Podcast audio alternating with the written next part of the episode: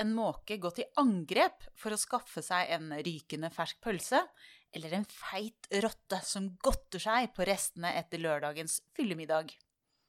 Da har du sett et stykke natur i byen. Men visste du at antall fuglearter er høyere i Botanisk hage enn i skogen like utenfor? Hanna Bjørgaas er biolog og forfatter av boka 'Byens hemmelige liv', og har tatt en nærmere kikk på artene som har funnet seg til rette sammen med oss i byen. Velkommen. Tusen takk. Kjempehyggelig å være her. Og 'Byens hemmelige liv', eh, den urbane, historie fra den urbane villmarka, det er jo en spenstig tittel. Og jeg regner med at eh, det ikke er den villmarka som åpenbarer seg etter klokken ett på et uh, utested med fiffige parinstanser og andre ting. Men kan du forklare hva er det som har inspirert deg til å skrive den boka? Ja, når du sier det, så er det jo veldig mye biologi i en klokka halv to på en lørdagskveld i, bysentrum. Det må jeg jo si, da. Men det er kanskje ikke først og fremst det jeg tenkte på når jeg skrev boka her. Um, det starta vel egentlig i Antarktis, hvor jeg jobba som guide. Um, og Eller jeg kan jo først presentere meg litt og si at jeg, jeg har bodd i byen hele mitt liv. Jeg er biolog og veldig, veldig glad i natur. Men jeg har alltid reist ut av byen for å oppleve natur. Jeg har alltid dratt til fjellet eller til fjæra eller i skogen. Og eller da oppsøkt liksom polare strøk og virkelig Dratt så langt fra by du kan komme. ja.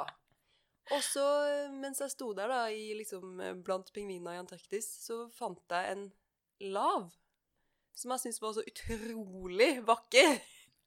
Og bare wow, shit, det her må jo være noe kjempesjeldent. Og så fant jeg ut at uh, det var det jo ikke. Det var en messinglav. Som jeg også hadde i min egen bakgård. Nettopp. Eh, og så tenkte jeg Hva mer har jeg oversett?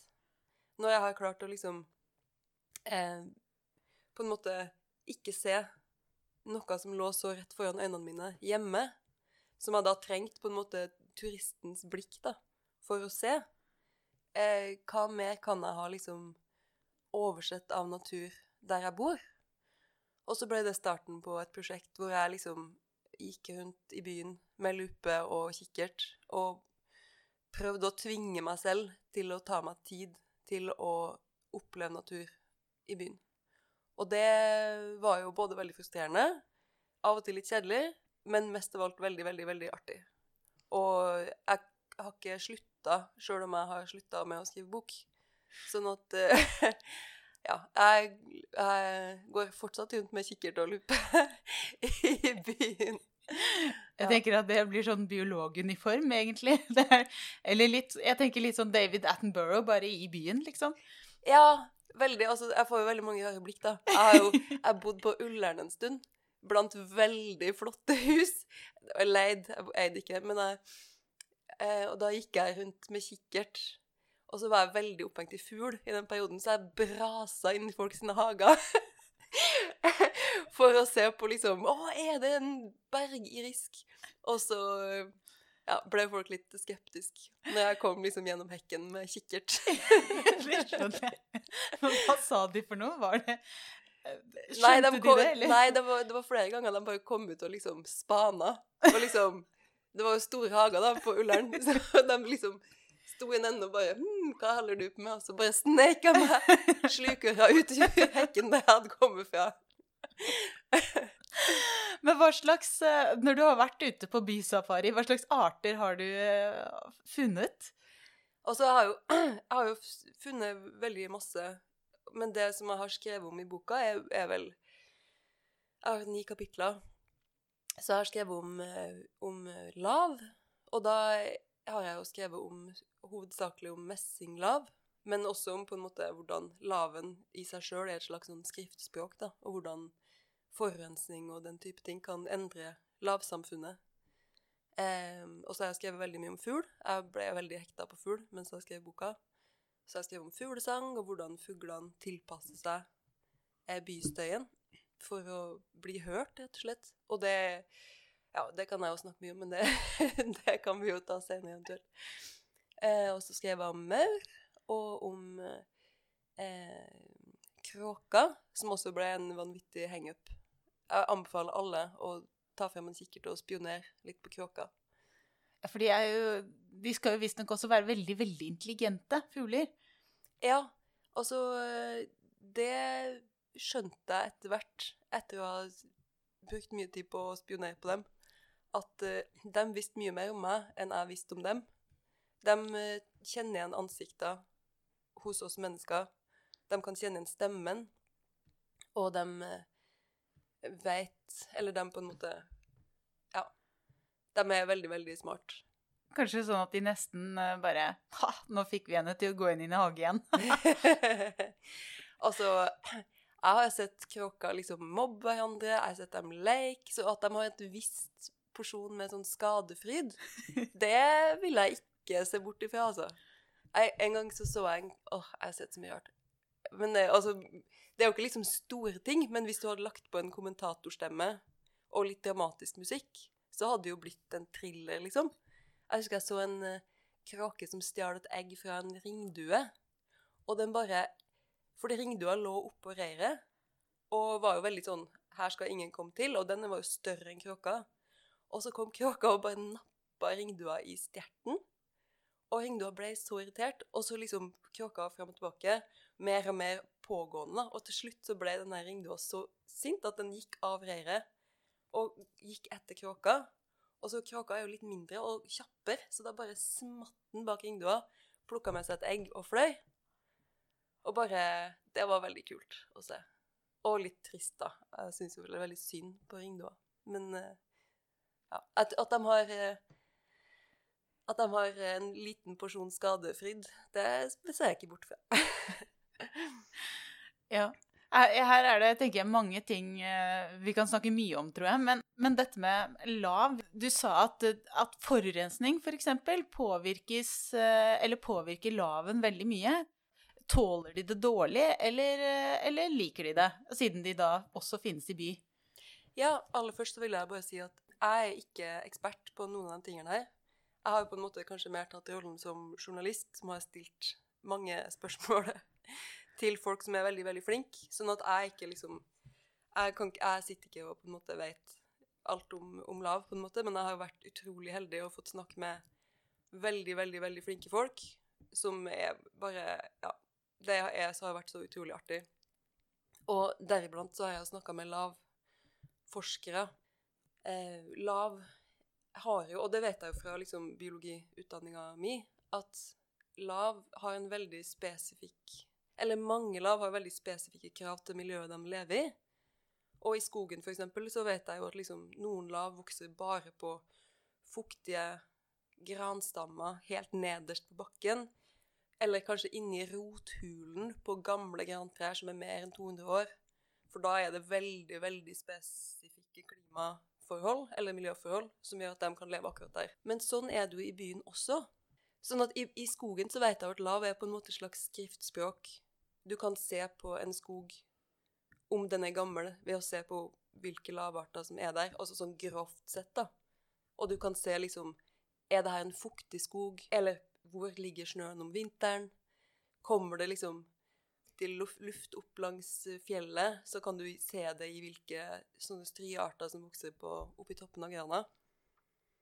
Og det gjelder jo også i by.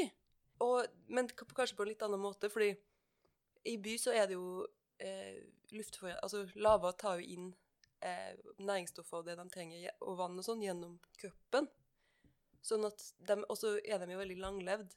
De kan jo leve Den eldste laven man har funnet, er vel 9000 år. Det er ganske sinnssykt. Men da har man jo veldig god tid til å ta opp skadelige stoffer fra lufta rundt seg. Sånn at lav er ganske sensitiv for luftforurensning. Og det kan man se i by, da, ved at utafor byen så er det kanskje ganske store mengder eller stor variasjon av lav. Mens jo lenger nær, inn mot en slags forurensningskilde, da, eller inn i byen man kommer, så forsvinner én og én lav. Og i Storbritannia så gjorde de, laga de en liste over hvilke lavarter som forsvinner ved hvilken luftforurensning. Og dermed så kunne liksom helt vanlige folk gå ut og bare Hm, her var det kvistlav, men ikke noe eh, liksom ikke noe busklav. OK, da er vi på 25 mikrogram eh, svoveldioksid per Altså, man, man kan bruke det som et verktøy da, for å måle luftforurensninga i sin egen by. Litt sånn som kanarifuglen i gruven, på en måte. At eh, oi, nå har vi bikka en, eh, en grense. Ja, veldig sånn, bare på en mye finere skala, på en måte. Og jeg syns jo det er veldig kult, for det, det er jo en måte Laven er jo på en måte Det var jo også en måte vanlige folk kunne lære å, å få oversikt over sitt eget klima på, eller sitt eget miljø på, uten å liksom stol, måtte stole så mye på Eller uten å måtte vente på liksom myndighetene, da. Og de fikk med seg liksom 10 000 skolebarn til å kartlegge lav i, i nærområdet. Um, men så er det også eh, det at det er jo noen lav som er kjempegodt tilpassa forurensning av forskjellige grunner. For eksempel så er det en, en lav som er, kommer fra svovelkilder på Island. Og når da liksom i, på, Se for deg den 1800-talls London, hvor det er liksom smog full av svovel som bare ligger som en sky over byen. Og da ble jo de her lavene De ble jo kjempeglade. Eller de fant jo et nytt habitat som passa godt til det de var tilpassa. Så da kom det plutselig masse av den derre bykantlaven, da, som den heter. Og Eh, så kanskje det ikke egentlig er så positivt. eh. kanskje ikke egentlig så, så positivt. Eh, jeg tror liksom hvis du, hvis du tenker over det, så vil du ikke dele habitat med en lav som er kjempegodt tilpassa sterk svovelrøyk, liksom. så um, ja, så det er jo kjempe Jeg syns det er kjempespennende å på en måte se For det er liksom Det er noe sånt Det er en litt sånn hemmelig skrift, på en måte, som du må vite litt for å oppdage, da. Og så er det litt uh, umiddelbart litt uh, kontraintuitivt, kanskje, for mange. Fordi jeg tror at det er en del som tenker seg at det, natur er det friskeste, sunneste, reneste. Uh, og så tenker vi ikke over at uh, ja, men det er noen arter som bare elsker svovel. Eh, ja, ja, ja, nei, det er jo de, Men de var jo på en måte preadoptert for å passe inn i byen. Og det er jo også veldig kult at på en måte at byen kan representere et landskap som egentlig passer veldig godt for noen arter. Fordi at de har allerede tilpassa seg noe som ligner. Sånn at for den svovelelskende laven så var ikke byen et ukjent landskap, på en måte.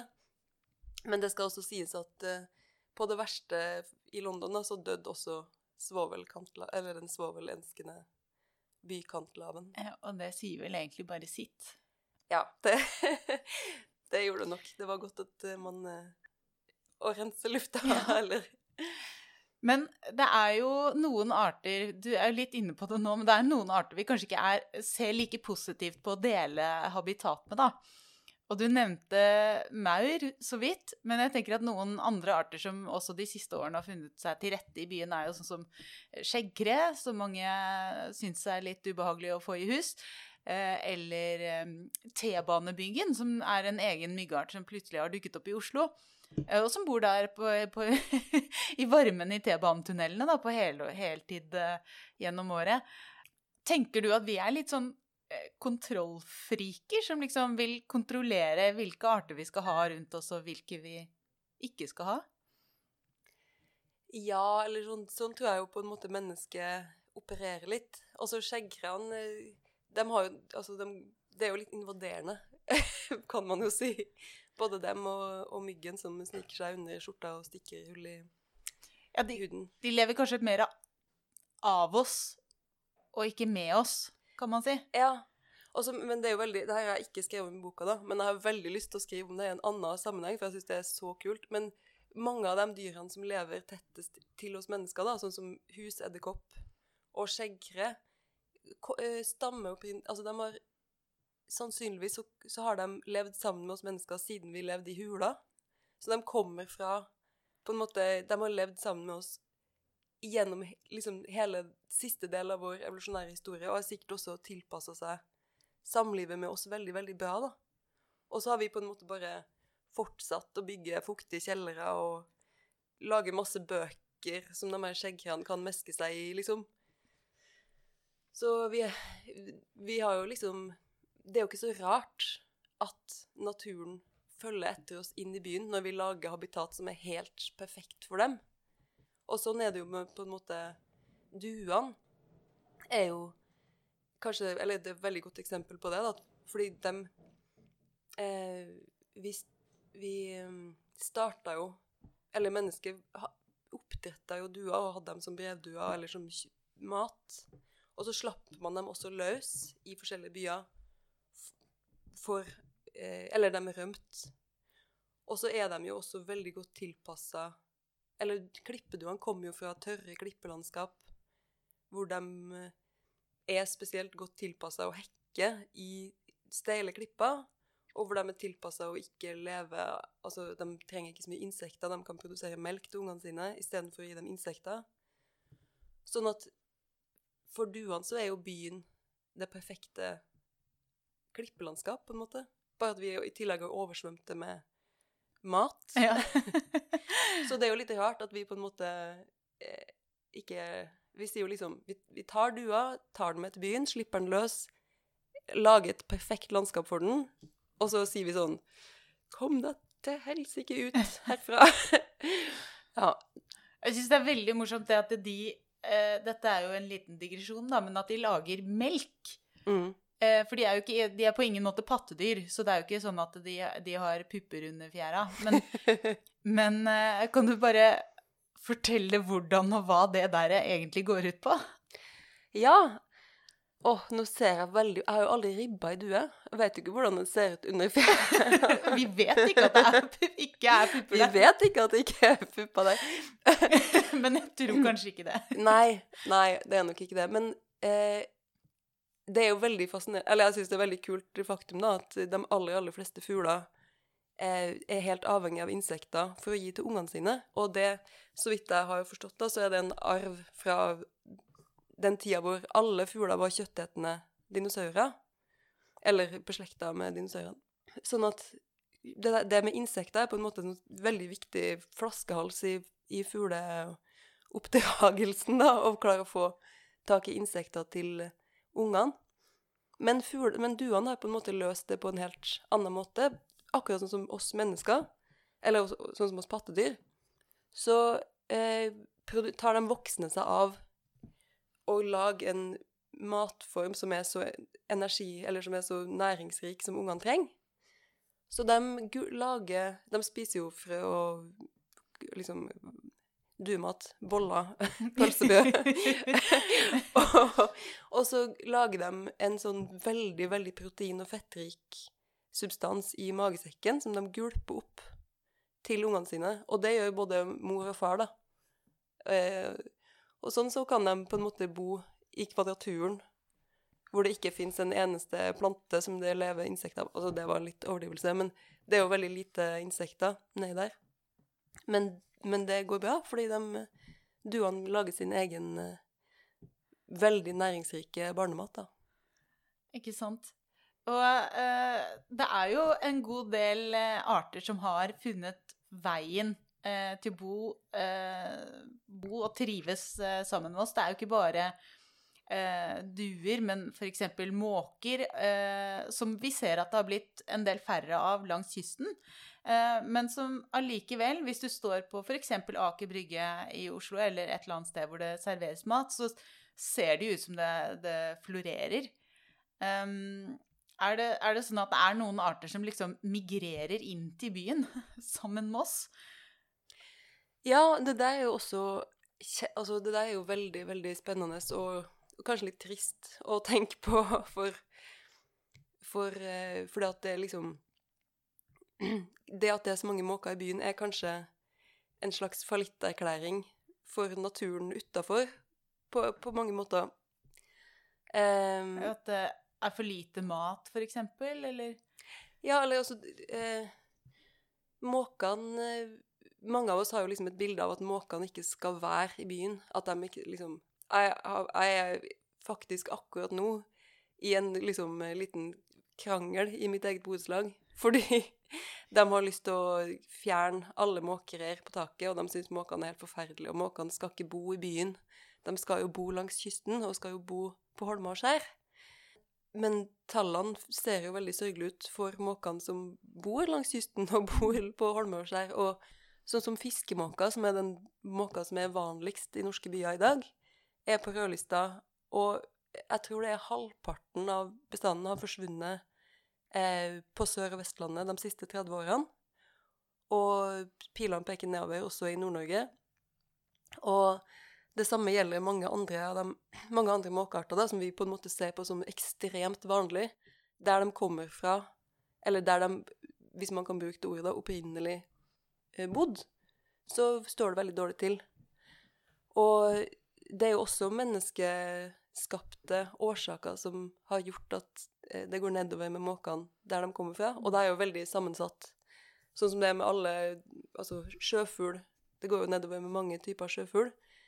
Men akkurat måkene er jo liksom Det er klimaendringer som gjør at fisken de lever av, ikke er tilgjengelig på den tidspunktet de trenger dem. Fiske er lagt om, så det blir mindre avfall fra Mm. fiskeindustrien. Det blir mindre hval, som presser fisken opp til overflata. Eh, minken er et kjempeproblem, og minken ble jo innført av oss mennesker eh, som pelsdyr. Og eh, liksom Ja, eh, han jeg snakka med, som var ekspert på urbane, urbane måker, han sa liksom at hvis, hvis barnehagen din blir raida ti år på rad, så sender du ikke ungene i den barnehagen, liksom. da finner du et nytt sted å ha dem. Fordi når mink kommer til en holme, så dreper den alt. Og for måker, da, så er jo liksom Jeg bor i et sånt borettslag med store, flate tak med fem etasjer. Og oppå toppen der er det jo ingen som kommer seg.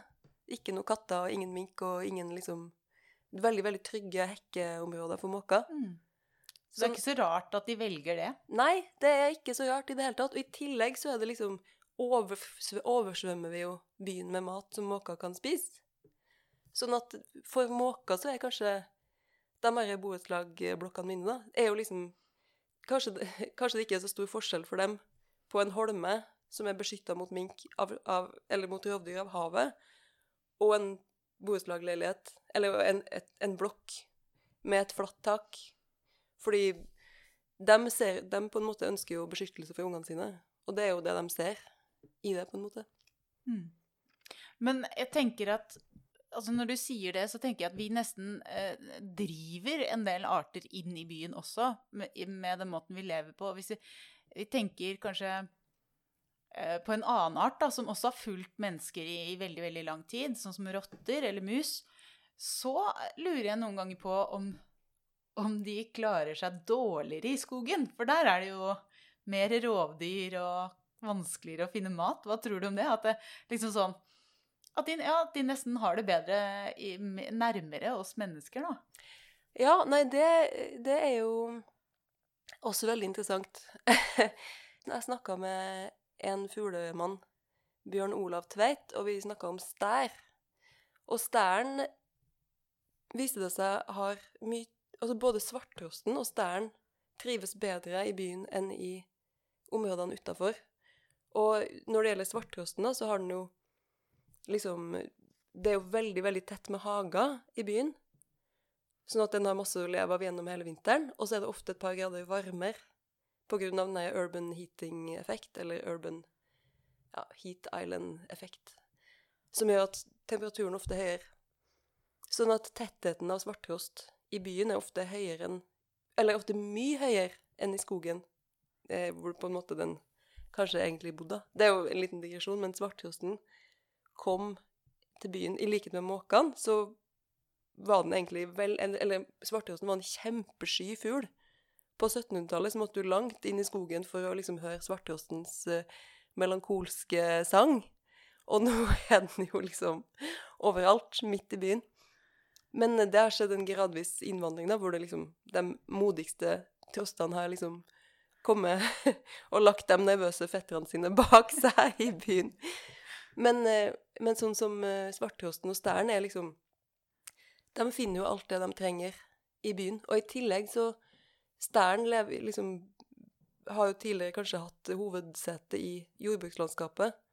Men eh, mine kilder, eller mange, mener at, eh, at eh, fordi at jordbrukslandskapet på mange måter har blitt så ugjestmildt for fugl gjennom Altså, det blir brukt mye insektgift, det blir mindre insekter, landskapet blir homogenisert, eh, så blir på en måte stæren pressa inn i byen. Og jeg leste en undersøkelse fra Storbritannia hvor liksom ja, 40-50% av stærpopulasjonen var borte i jordbrukslandskapet, mens tettheten hadde liksom holdt seg i byene. Så det tyder jo på at ja, at for noen arter så kan byen nesten være en slags sånn uh, refugium, på en måte.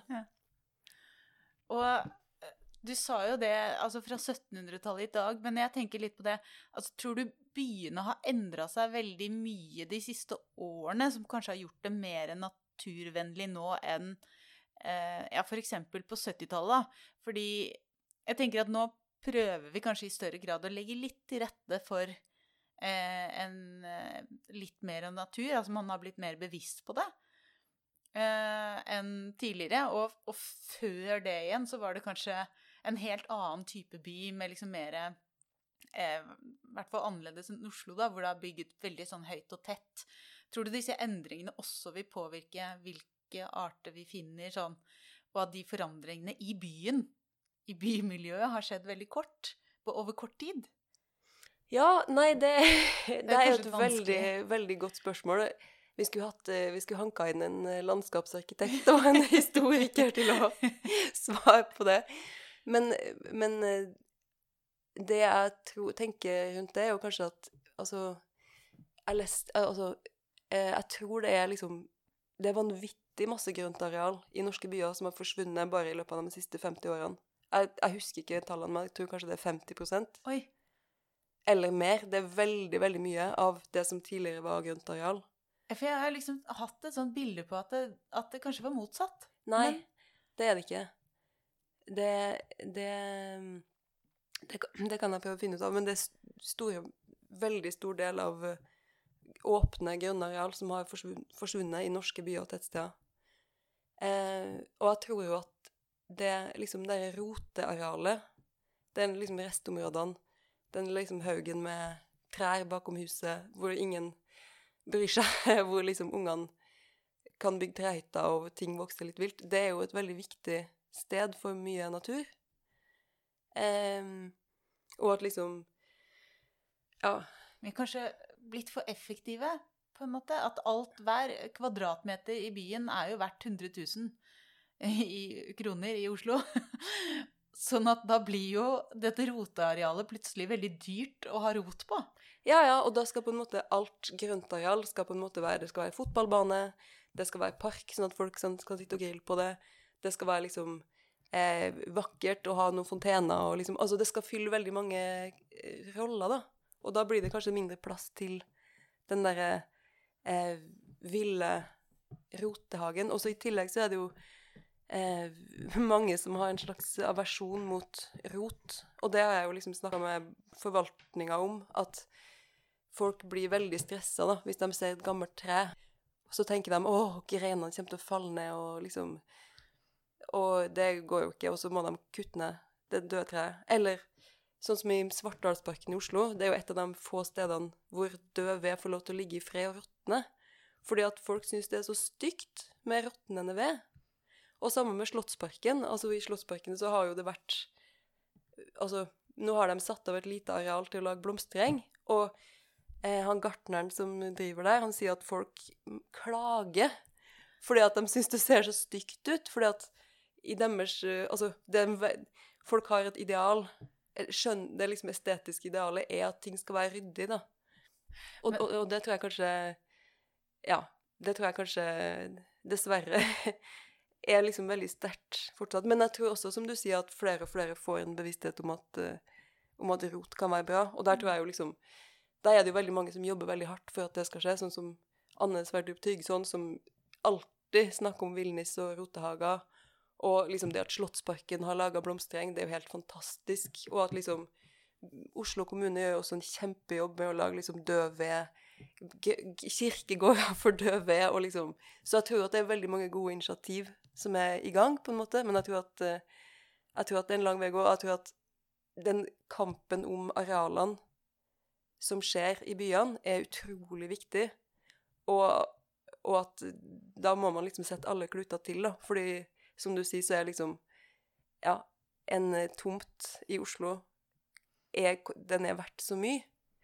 Eh, at liksom, Hvis man tenker litt kortsiktig, så har man ikke råd da, i hermetegn til å la den være rot. Men når det er sagt, så vil jeg også si at hvis man begynner å se på de tjenestene som den naturen faktisk gir oss, og begynner å regne på det i penger, så viser det seg jo at det er jo veldig, veldig, veldig, veldig lønnsomt å ta vare på de her små grønne flekkene. Både liksom i form av vann, flomdempning og eh, pollinering og luftkvalitet, skygge altså, og bevaring av biologisk, biologisk, mangfold, men også sånn i form av fysisk helse, psykisk helse. Det er utrolig godt dokumentert at grønne områder i byen gir folk bedre liv. Ja, så jeg tror at um, jeg tror at eh, Jeg håper jo veldig at man på en måte endrer litt på synet man ser på grøntområder i byen. Ja, jeg tror det med økosystemtjenester, eh, som du sier, eller naturgoder, da, som man også kan kalle det, det er utrolig viktig å ja, kanskje sette en prislapp på, uh, på det, og så si at uh, ja, men ren luft, det er verdt Og rent vann det, og flomdemping, det er verdt 100 000, det. Um, lett. og, men de siste åra så har man jo også gjort noe annet, og det er jo at flere av Nå kjenner jo jeg Oslo best, men flere av elvene har jo blitt uh, eh, åpna opp. De har jo tidligere gått i rør uh, under byens veier og hus. Og så har de blitt åpna opp, og så har man laget sånne landskapsarkitekter har liksom designet flotte elver og eh, satt inn planter og, og planta og lagt stein, så det liksom skal se naturlig ut. Men, men eh, hvor naturlig er egentlig sånn, et sånt designa grøntområde? Oi! Ja, nei, det, nei, her må vi også få inn en landskapsarkitekt, tror jeg. Men jeg, var, jeg jobba en gang i tida som konsulent. Og da jobba jeg sammen med en sånn hydrolog, og det var veldig artig. Lært masse om hydrologi. Eh, og han, vi, han, tok meg til en sånn elvepark, da, med en sånn nydelig elv som slynga seg fram. Og all ære til landskapsarkitektene som hadde laga liksom Det var stedsegne arter som vokste langs bredden, og det var virkelig veldig flott gjort. Men han sa at uh, hvert år så under flommen så forsvinner alt. Nei. og så må vi bygge det opp igjen. Ja. Og, så, og under så er det plastmembran, fordi at ellers så renner vannet ned i bakken. Mm. Eh, og så sa han at eh, altså, ingen av, var, ingen av, oss er religiøs, så det handler jo ikke så mye om, om, om det, men han sa at eh, det er bare Gud som kan lage en elv. Fordi det er så vanvittig komplisert å få til den riktige sammensetninga av steiner som gjør at ting ikke forsvinner under flom, eller at, som gjør at systemet er noenlunde stabilt, da. Mm. Sånn at uh, Sånn at det er jo en kamp Når man først har ødelagt et sånt system, så skal det jo veldig mye til for å klare å bygge det opp igjen. Uten at det krever veldig mye kontinuerlig innsats, tror jeg. Så selv om det kanskje for et utrent øye ser mer naturlig ut enn eh, at elva går i et plastrør, så er det allikevel ganske langt igjen til det at vi kan få de ekte naturgodene som en sånn elv ville ha gitt, da, med kanskje en mer naturlig flomdemping med de plantene som normalt kanskje ville vokse der, eller trær, eller Ja, eller jeg tror at man kan jo få mange naturgoder av en sånn elv. Altså man kan jo få på en måte Man kan få fisk til å gå der, og man kan få kjempebra liksom, vegetasjon som kan eh, lage, være bra for pollinatorer. Kan, det kan jo være flomdempning. Eh, den kan jo fungere som flomdemper, og et på sikt hvis man på en måte skjøtter den godt, så vil jo kanskje systemet stabilisere seg. Men jeg tror at eh, det krever veldig masse oppfølging som på en Altså, det krever veldig mye oppfølging og innsats når man først har ødelagt et naturlig system.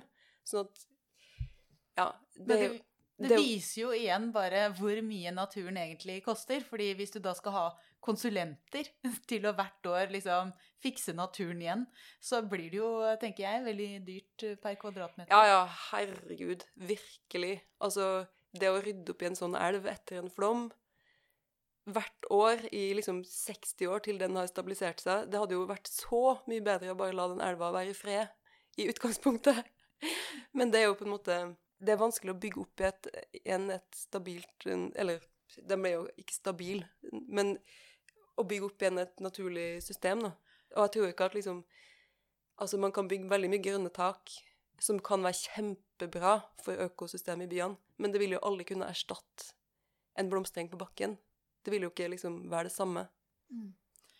Men hva tenker du at folk kan gjøre da for å, for å ta best mulig vare på den naturen som finnes i byen? Hva, eh, kanskje ikke så lett hvis man bor i blokk, men hvis man har en liten hageflekk eller en balkong Eller har eh, kanskje noe politisk innflytelse på Det er lov å spekulere litt. Ja Nei, jeg vil jo si at det er veldig viktig å stemme på et parti som, som er opptatt av eh, arealpolitikk, da. Det er jo på en måte i arealene at natur Altså veldig, veldig mye naturkamp står jo liksom i kampen om hvordan man bruker arealene, og kanskje spesielt i by, hvor det er så stor knapphet for areal, på en måte. Og så det, det, er jo liksom Over stemmeseddelen er jo en viktig ting. Det er litt sent å si nå siden det er dagen etter stortingsvalg.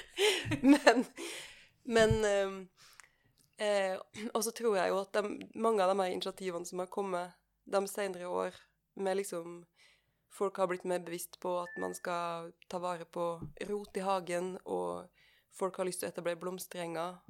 Det er jo kjempebra. Mm. Um, og sånne insekthotell har jo også blitt veldig sånn en sånn uh, populær ting å sette ut. Ja. Altså, det er jo Alt det der er jo kjempefint. Og jeg, og jeg eh, Altså, man kan jo gjøre veldig stor innsats hvis man Hvis du planter noen seljetrær, da, eller hvis du lar celletærne stå istedenfor å kutte dem ned, så har du på en måte laga mat til så veldig mange insekter på et tidspunkt når de trenger det, fordi celler gir jo pollen tidlig på våren, når humledronninga f.eks. Mm. trenger mat. Sånn at man kan jo gjøre veldig mye enten ved å liksom plante gode planter, eller ved å la naturlig vegetasjon stå. Eh, og insekthotell er jo kjempe er jo bra. Altså, men, men ja. Jeg tenker jo kanskje at det, det aller viktigste det er å ta vare på de grøntarealene som man har og ikke liksom ikke, ikke bygge dem ned og tenke at, tenk at, man skal erstatte dem med noe annet. ja. Og store trær, gamle trær, la det stå. La det liksom Altså jeg syns jo det er helt nydelig med store, gamle trær, hvor du ser liksom inni barken så er det masse sprekker, og innerst inni der så er det en liten knappnålslav. Og så kan spettmeisen løpe liksom opp og ned og pilke insekter ut av barken. Det er jo helt magisk. Så eh, ja, det, det er nok viktig. Og det bringer meg over på det jeg dessverre tror blir siste spørsmål. Og det er jo Hvis folk skal gjøre som deg, da, og gå på en, en bysafari og se naturen med, med, nye øyne, eller prøve å få øye på, på, mer natur i byen, hva er ditt uh, beste tips for å på en måte ja, uh, komme i gang med det? Og hva skal man se etter? ja, nei, det der eh, Det er jo eh, Mitt viktigste tips, det er kanskje å bare ha Ta liksom to minutter ekstra. Det, det tar ikke noe lang tid. Altså, du sitter på bussen og venter uansett. Eller du, du sitter på bussholdeplassen og venter på bussen uansett. Liksom eh, Men for min del så var kanskje det vanskeligste var å ikke kikke på telefonen, da, istedenfor å ta frem kikkerten og se på hva som befant seg rundt meg. Sånn at liksom eh, ta, Altså, ta fem minutter ekstra og gå en tur. Eh, ja, det med tid tror jeg Det tar ikke så lang tid. Det er liksom Det er rett, rett i nærheten av oss mm. hele tida. Så tror jeg at eh, For min del så har det liksom det å komme over kneika med eh, detaljer at ting virker veldig vanskelig i starten. Å lære seg å se forskjell på lav var liksom helt umulig. Jeg syns alt så helt likt ut. Men så etter hvert, hvor, liksom, hvor jeg på en måte lærte litt mer, så ble jeg så utrolig glad når jeg begynte å se forskjell på de her lavene. Sånn at det er liksom en kneik å komme seg over. Men så er det veldig verdt det når man liksom uh, kommer i gang. Og det gir liksom en helt uh, Det gir en utrolig god følelse å sette seg under et tre og så høre på fugl, og bare Oi! det der det er faktisk en grønn fink. At man liksom klarer å kjenne igjen fuglesangen. da. At liksom det å, det å på en måte ikke la seg overmanne av eh, detaljnivået, det er, det er nok, syns jeg, har vært veldig viktig, da. Um, og så er det jo sånn For eksempel hvis man skal lære fuglesang, så er det veldig lurt å finne ett sted å gå tilbake til Mm. dag etter dag, på en måte. Og hvis du liksom på vei til jobb, finn et tre som du kan sette deg under i fem minutter, og bare se om du kan kjenne igjen hvilke arter som er der fra dag til dag, på en måte. Så blir du, litt, så blir du på en måte Kjent med naturen på akkurat det stedet. Ja. Mm. Så det, det tror jeg er viktig. Ja, Det syns jeg hørtes ut som et uh, utrolig godt tips. Tusen, tusen takk eh, for at du kom hit, uh, Hanna. Uh, det har vært kjempegøy å snakke med deg, og jeg, kunne, jeg tror jeg kunne holdt på en time til. Det er jeg helt sikker på. Ja, vi har jo ganske mye å snakke om mikroalger og diverse fremmede arter har vi ikke vært innom, så Men det var veldig hyggelig å få komme. Tusen takk. Og jeg tror nok absolutt at uh, du må si ifra neste gang du er i Oslo, så, så skal, skal det bli lett å finne et nytt uh, tema å snakke om. Og til deg som lytter, tusen takk for at du har uh, hørt på oss i dag. Husk å melde deg på biokonferansen 12.11. i år, altså 2021. Og temaet for biokonferansen det er De umistelige. Det betyr all den naturen som vi ikke kan miste. Som vi må ta litt bedre vare på. Og det passer jo egentlig eh, Bokprosjektet ditt passer jo egentlig perfekt inn eh, både tematisk eh, og alt. Så det er helt herlig. Eh, Ellers så bare minner jeg om at det er bare å sende oss en e-post, og lik og del, så høres vi.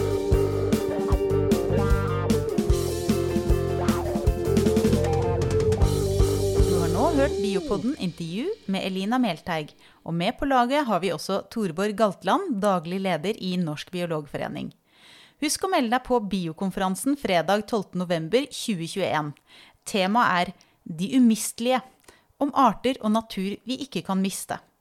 På biokonferansen deler vi også ut Bonnevie-prisen til en utmerket fagformidler. Kom gjerne med nominasjoner til post at bio.no. Musikken du hørte er laget av biologibandet Overgump, som består av Even Slekten Garvang, Markus Fjelle, Erik Møller, Mathias Kirkeby og Audun Rugstad. Fortell gjerne om podkasten til venner og kjente, og gi oss tips og tilbakemeldinger på e-posten biopodden at bio.no. Og hvis du vil støtte oss, så er du hjertelig velkommen som medlem av Norsk biologforening. Vi høres.